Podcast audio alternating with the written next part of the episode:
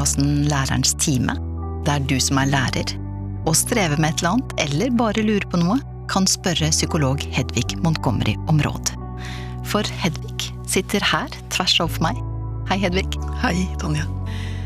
I dag så skal vi svare på noen spørsmål som vi har fått. Og vi begynner med en mail fra en lærer som heter Karoline. Hun skriver Hei, Tonje og Hedvig. Jeg elsker egentlig å være lærer. Det er gøy å følge elever gjennom mange år og bli kjent med de ulike individene og gruppene, og lære dem nye ting og ferdigheter, og også lære av dem og med dem. Men det er en ting som gjør at jeg snart vurderer å slutte. Det jeg opplever som mer og mer utfordrende for hvert år som går, er elever som har så problematisk atferd at de forstyrrer de andre i klassen sin rett til utdanning og mitt arbeidsmiljø. Jeg har alltid tenkt at min relasjon til eleven og elevenes relasjon til hverandre i stor grad er med på å påvirke elevenes atferd, og det tror jeg fortsatt. Likevel så ser jeg oftere og oftere at elevene i stor grad ikke ser hvordan deres egen atferd påvirker klassemiljøet og læringsmiljøet. Vi snakker om elever som avbryter, kaster slengbemerkninger, kommentarer, har et stygt kroppsspråk, roper, vandrer rundt, stjeler, lyver osv. Vi jobber selvsagt med relasjoner til stadighet, men jeg og mange elever, har jeg fått vite gjennom elevsamtaler, begynner å bli slitne. For de elevene som ikke forstyrrer, blir faktisk fratatt undervisning, noe de har rett på, fordi jeg må bruke så mye tid med de elevene som har utfordrende atferd. Hva kan jeg gjøre annerledes her? Jeg ønsker at alle skal få utdanning og få lære. Hilsen Karoline. Ja, hva tenker du, Hedvig? For det første så tenker jeg at Karoline høres ut som en nydelig lærer. Så det første jeg sitter og, og gleder meg over, er jo en som har slikt forhold til faget. Og så peker hun på noen ting som stemmer. Nemlig at relasjon er ikke nøkkelen til alt. Av og til er det andre ting som både trengs, og som en lærer ikke engang har kontroll på selv. Så her må vi skille litt mellom hva læreren kan gjøre noe med, og hva som er de faktorene som eh, jeg tror at vi nok skulle ønske at de som styrer skolen, skoleeierne, hadde gjort noe med. Um, og så er det klart at det er litt synd at ikke læreren har muligheten til å få til alt, men tross alt, foreløpig så er ikke lærerskolen en magikerskole. Så det er litt sånn det er. Det samsvarer jo litt, det hun skriver her, med det eh, vi fanger opp i media fra en del lærere som er veldig slitne mm. av mangel på kustus i klasserommet. Mm. Og ja, føler at noen elever tar enormt med krefter, mens de andre på en måte bare må gå på siden der, med, får oppmerksomhet litt sånn på halv maskin. Mm. Um, og man kan jo forstå at lærere kan bli demotivert av dette. Klart det, for du blir jo lærer fordi du har lyst til å lære bort. Mm. Eh, ikke fordi du har lyst til å bruke så mye tid på krisehåndtering. Og det blir mye krisehåndtering i enkelte klasser. Det er to ting vi må skille mellom her, og begge er viktige for å forstå denne situasjonen. Den aller første handler faktisk om skolen og hva den er til for.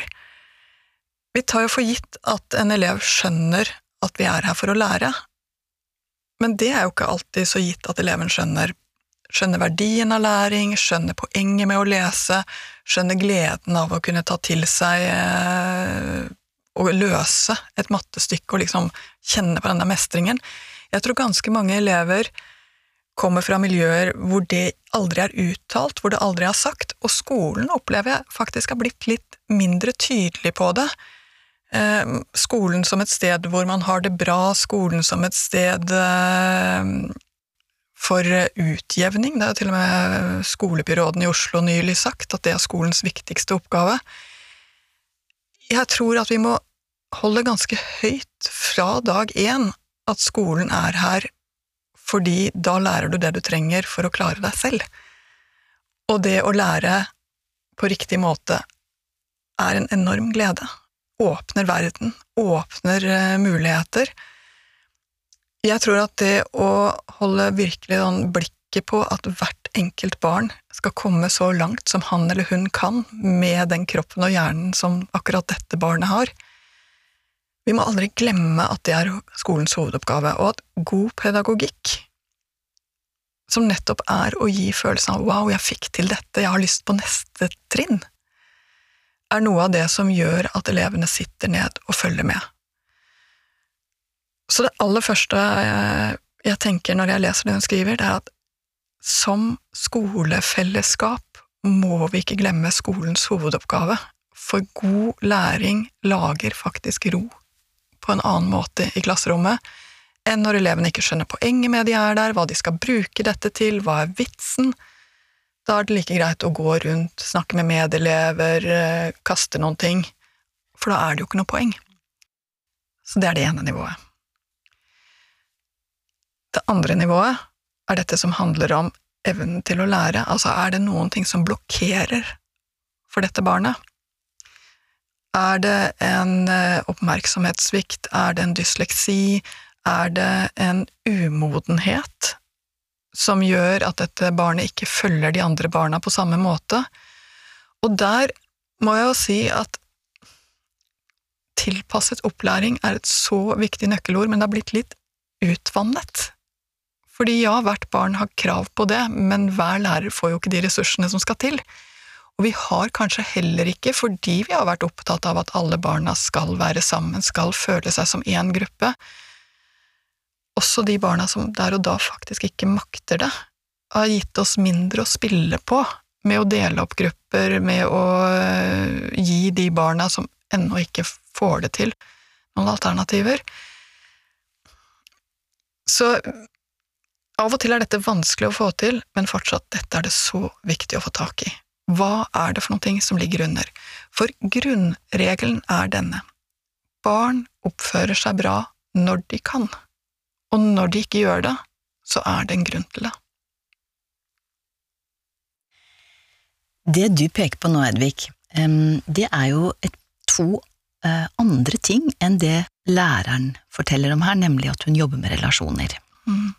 Du sier dette er en sympatisk og, flink lærer, hun er opptatt av relasjonene i klasserommet, relasjonene mellom elevene, relasjonen mellom seg og elevene. Men du peker jo egentlig på noen andre perspektiver nå. Mm. Hvorfor er vi her, hva er en utdannelse til for det store spørsmålet, så å si, mm. og dette med hver enkelts egne utfordringer da, i klasseromsituasjonen. Mm. Og relasjon er absolutt i bunnen uten gode relasjoner så får vi ikke til noen ting som helst. Men relasjon løser ikke alt, heller. Og det er jo det som gjør hele skolesituasjonen så utrolig spennende, og som gjør også at det å være lærer er så utrolig spennende, fordi du står egentlig og håndterer et lite samfunn med sine egne regler og sine egne lover og sin egen logikk, som er alt fra meg og mitt-logikken til, eh, til denne store 'hvorfor er vi her'-logikken. Så det er, eh, det er et stort spenn hva som skjer i et klasserom hver eneste dag. Det er så mye, mye mer enn bare læring eller bare relasjon eller bare, for den delen, oppbevaring.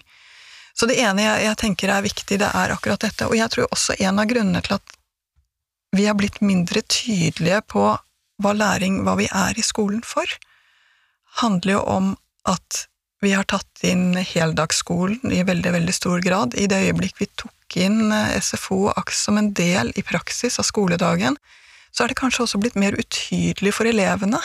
Eh, er de her fordi at de ikke skal plage eh, de voksne der hjemme? Altså, hva, hva er greia? Mm. Um, og jeg tror det er veldig, veldig fint at barna får god omsorg, men det gjør også at lærerens oppgave blir enda mer viktig å definere hva er det for noe vi gjør på skolen. Det er én ting hun skriver her eh, som jeg merket at jeg fikk lyst til å streke under. Hun skriver at elevene, altså disse elevene som forstyrrer, de ser ikke hvordan atferden deres påvirker klassen. Mm.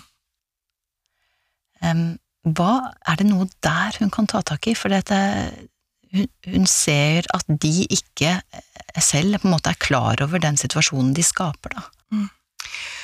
Altså Rent psykologisk så er vi her inne på noen ting som handler om modenhet. Eh, barn får det der blikket på seg selv fra utsiden eh, først i syv-åtteårsalderen. Så før det så er de ganske sånn romsterer rundt og, og hever ikke blikket på den måten som de gjør senere i livet og ser 'dette var teit' eller 'her mistet jeg ansikt'.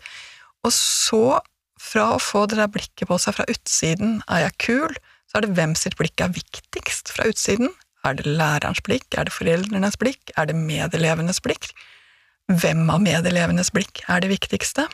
Så der får vi en. Det kan godt være at eh, disse barna har kommet opp et sted hvor de begynner å se seg selv fra utsiden, og altså ser hvordan de påvirker, men det kan altså være at de er opptatt av feil blikk fra utsiden. Og det tredje det er at når de kommer opp i 10-11-årsalderen, så er det verste som kan skje, er å miste ansikt.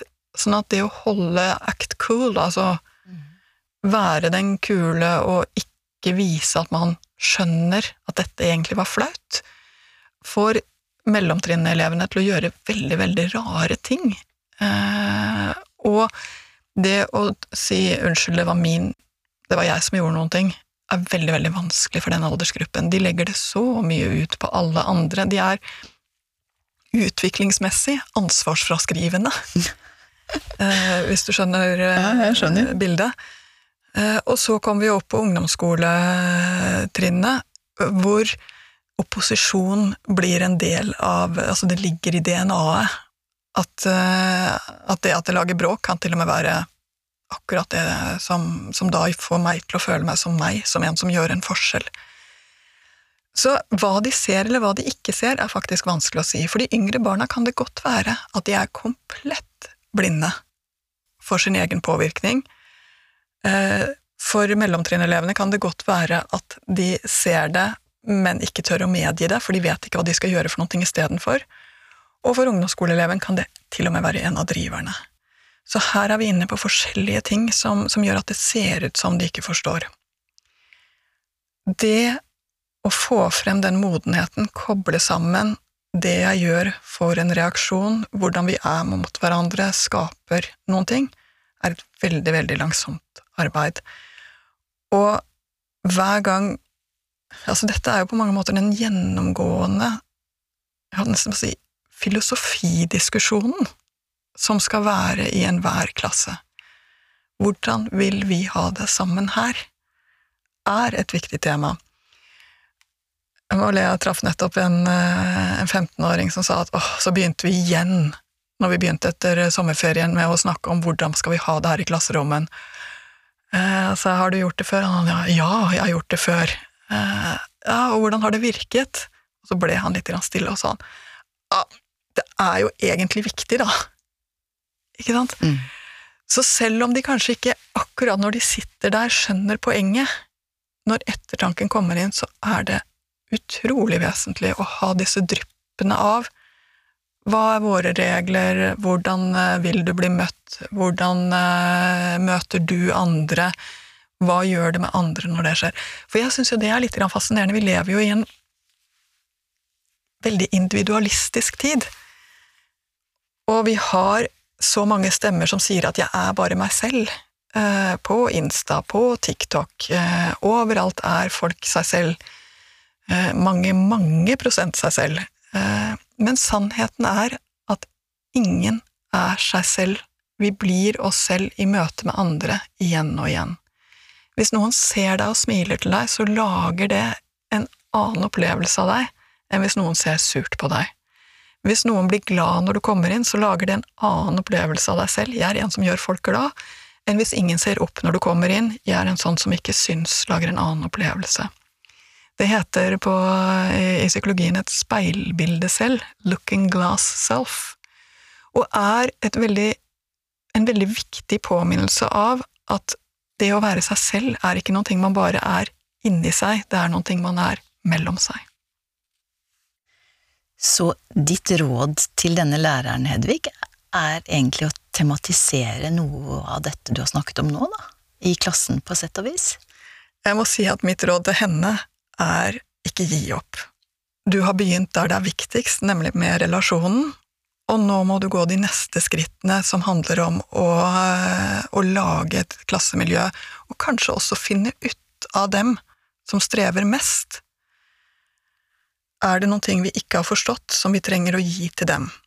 Så det er sånn sett en vifte av råd til henne, til alle lærere som hører på, og det håper jeg jo er mange, så er det ikke glem hvor viktig skolen er som institusjon, hvor viktig læring og læringslyst er for å få en jobb, få et liv, få en stolthet. Klarer vi å vise frem det gjennom hele løpet, så vil vi også få flere som ser lyset, som plutselig faller på letten ned, og kanskje så sent som i niende eller tiende klasse, men allikevel, på et eller annet tidspunkt, så kan det være at det faller ned. Ah, det var det, ja. Da skal vi til dagens eh, andre spørsmål. Vi har fått en mail fra Elise, som skriver at hun er spesialpedagog i barneskolen. Eh, og hun skriver blant annet her Hei. Jeg opplever at mange skoler har forbud mot lue, caps og hette inne. Det er vanskelig for meg å håndheve disse reglene, fordi jeg er ikke enig. Vi snakker mye om respekt og toleranse for ulikhet, men så har vi disse reglene. Noen elever er kanskje ikke fornøyd med den nye sveisen, kanskje har noen en kropp i endring de vil skjule, eller kanskje noen ikke vil være så synlig akkurat i dag. Kanskje noen bare føler seg kulere med lue, akkurat som jeg føler meg fin i bluse. Det kan være hva som helst, men bør dette overstyres av voksne? Og så kommer hun med to eh, eksempler her. Jeg var nylig i en syvende klasse hvor jeg skulle ha en elev. Han hadde motsatt seg all spesialundervisning tidligere, han var en av de med caps og bøff, kun øynene tittet ut. Etter mye arbeid kom jeg i posisjon til han, og vi hadde mange fine økter. En flott gutt gjemte seg der, bøffen og capsen forsvant av seg selv etter ca. en måned. Hadde jeg brukt den første tiden på at han skulle ta av seg caps og bøff, tør jeg påstå at vi fortsatt hadde sittet der, og ingen økter hadde vært gjennomført. Og så forteller hun her at en kollega fortalte meg om en situasjon med en elev som ville ha på seg lua, og hun måtte krangle med eleven om dette lenge. Hun fortalte at det var svært ubehagelig for eleven hadde blitt både sint, lei seg og noe fysisk, og da var det en lueregel på den skolen som hun hadde fått beskjed om å håndheve. Handler det ikke heller om å vise respekt for elevene og deres behov, skriver Elisa. Hva tenker du? Igjen tenker jeg for en nydelig spesialpedagog. Og så godt å vite at hun sitter der med elever og ser dem og møter dem i dag, mens du og jeg sitter her. Og så peker hun på noen ting som handler om når er det regler er nyttige, og når er det de blir unyttige. Når er det de er til hjelp for læreren, og når er det de blir en hemsko for læreren. Og det er jammen meg en vanskelig balansegang. Fordi en regel som er veldig viktig for én lærer, kan være helt uviktig for en annen lærer. Og en regel som Og det er det samme i familier. På hvert foreldremøte så, prøver, så opplever jeg jo at en forelder sier kan vi ikke prøve å ha felles regler for ukepenger, eller for spilltid, eller for eh, Um, aldersgrense på spill, altså den type veldig vanskelige ting. Og, og, veldig ofte så sier læreren jo det er en veldig god idé. Fordi det hadde jo vært deilig om alle elevene hadde de samme reglene hjemme, og så kunne de besøke hverandre, og det var alltid det samme. Og så vet jeg at den tiden vi bruker på dette, og diskuterer dette, er kanskje bevisstgjørende, er kanskje en nyttig tid, men det er helt utopisk at alle hjem kommer til å ha de samme reglene, og kanskje bør de ikke det heller, for barna er veldig forskjellige. Så vi står jo her med et sett av skoleregler hvor man har sittet og litt sånn ja, men det er viktig, ja, men det er viktig å se elevene, ja, men det er viktig at de har respekt, det er viktig at de kommer inn og hilser ordentlig. Altså, ut fra de beste intensjoner så har man laget sånn dette er viktige regler, og så kommer de ut i praksis, og så er det så det er viktig. For det første så er lærere forskjellige, for noen er det viktig å ha det sånn i klasserommet, for andre så er det ikke det. Og for det andre så kommer vi opp i situasjoner hvor akkurat denne eleven trenger noe annet. Og når du sitter der med en elev som eh, virkelig har kjørt seg fast læringsmessig, så er ikke det viktigste den bøffen og den lua. Da er det å komme inn til der hvor det kan læres, hvor den eleven kan føle seg som en del av vårt fellesskap, for da er det ikke så stort behov for å gjemme seg lenger. Så i den spesielle situasjonen så blir jo denne regelen ikke bare unyttig, den blir jo destruktiv. Og det samme med en elev som har funnet sitt uttrykk, når det blir diskusjonen, istedenfor at hun da kan bli ferdig med den lueperioden, som hun helt sikkert blir, og gå videre til noe annet, så blir den diskusjonen helt unyttig. Og jeg skjønner godt at da er det neimen ikke lett å, å tenke at det er viktigst, men det er litt det samme som at foreldre kan stå der og ha kjempeproblemer med barn, og så kommer noen og sier men tannpuss er det aller viktigste. Men det er kanskje noen ting så viktig som tannpuss kan komme på tredjeplass i en del hjem, fordi det er andre ting som er enda viktigere, som i det hele tatt å komme opp og komme i gang. Så når jeg jobber med elever som har det skikkelig vanskelig, så prøver jeg jo ikke å løse alle problemene og følge alle reglene på en gang. Jeg begynner med der hvor det er aller viktigst for å komme til. Og da kan disse overordnede reglene, selv om de har godt ment, selv om de har noe for seg, kan rett og slett stå helt i veien for å begynne med det som kommer først. Og den vurderingen tror jeg ikke kan gjøres av en skoleleder eller av en, eh, et eh, lærerkollegium én gang, og så er man liksom ferdig med det. Den som står i hverdagen, er jo den som nettopp må tilpasse, seg, justere, se hva som skjer, og velge viktigst først. Så du gir en støtte her til at eh, læreren må gjøre sin egen vurdering der og da, om viktigheten av denne regelen? Mm. Og det betyr også at reglementet på en skole kan ikke være altfor omfattende. For hvis det er for mange punkter og for mange detaljer, så tar man bort friheten til den enkelte lærer i klasserommet, og gjør det kanskje mye, mye vanskeligere å stå der og være en lojal kollega, følge ledelsens uh, regler, og samtidig håndtere den klassen og den situasjonen man har. Så ideelt sett så skal skolens reglement være kort, og med det som er absolutt nødvendig som virkelig er det vi trenger som felles lærende fellesskap. Ikke for mange detaljer av denne typen her. Det var interessant, fordi at eh, jeg så eh, på nettet så så jeg det hadde vært et eh, innlegg i CD-spalten i Aftenposten for en tid tilbake om dette, en elev som skrev inn og var opprørt da, over ikke å få lov til å ha på seg caps i klasserommet. Og til det innlegget så var det altså over 500 kommentarer, så det var jo tydelig at dette engasjerte enormt. Eh, og det gikk jo igjen, eh, så det ut som da, at det delte seg litt aldersmessig, at de eldre var opptatt av dette med respekt. Altså man skal ta av seg lua når du kommer inn i en, i en gruppe, i en kirke, til et jobbintervju, du skal lære deg respekt. Eh, og også eh, dette argumentet med hvorfor skal alt begrunnes? Bør ikke også ungdom i dag lære seg å bare eh, adlyde, uten at de skal få en grunn som de skal anerkjenne som gyldig? Eh, hva tenker du om det, Hedvig? Bør, bør man ha regler som skal respekteres som regler? That's it. Altså Det som er interessant, er at rent biologisk så ligger det i ungdom å finne noe bedre enn det samfunnet som allerede finnes. Det er grunnen til at de søker etter perfeksjon på både sin egen og andres kropp. Det betyr at de eh, vil snu og vende på foreldrenes politiske ståsted, på skolens reglement. De vil lete etter andre måter enn det forrige generasjon gjorde. Og forrige generasjon opplever det hver eneste gang som eh, Provokasjon. Provokasjon og unødvendig. Mm. For vi syns jo at vi har laget det beste samfunnet som tenkes kan.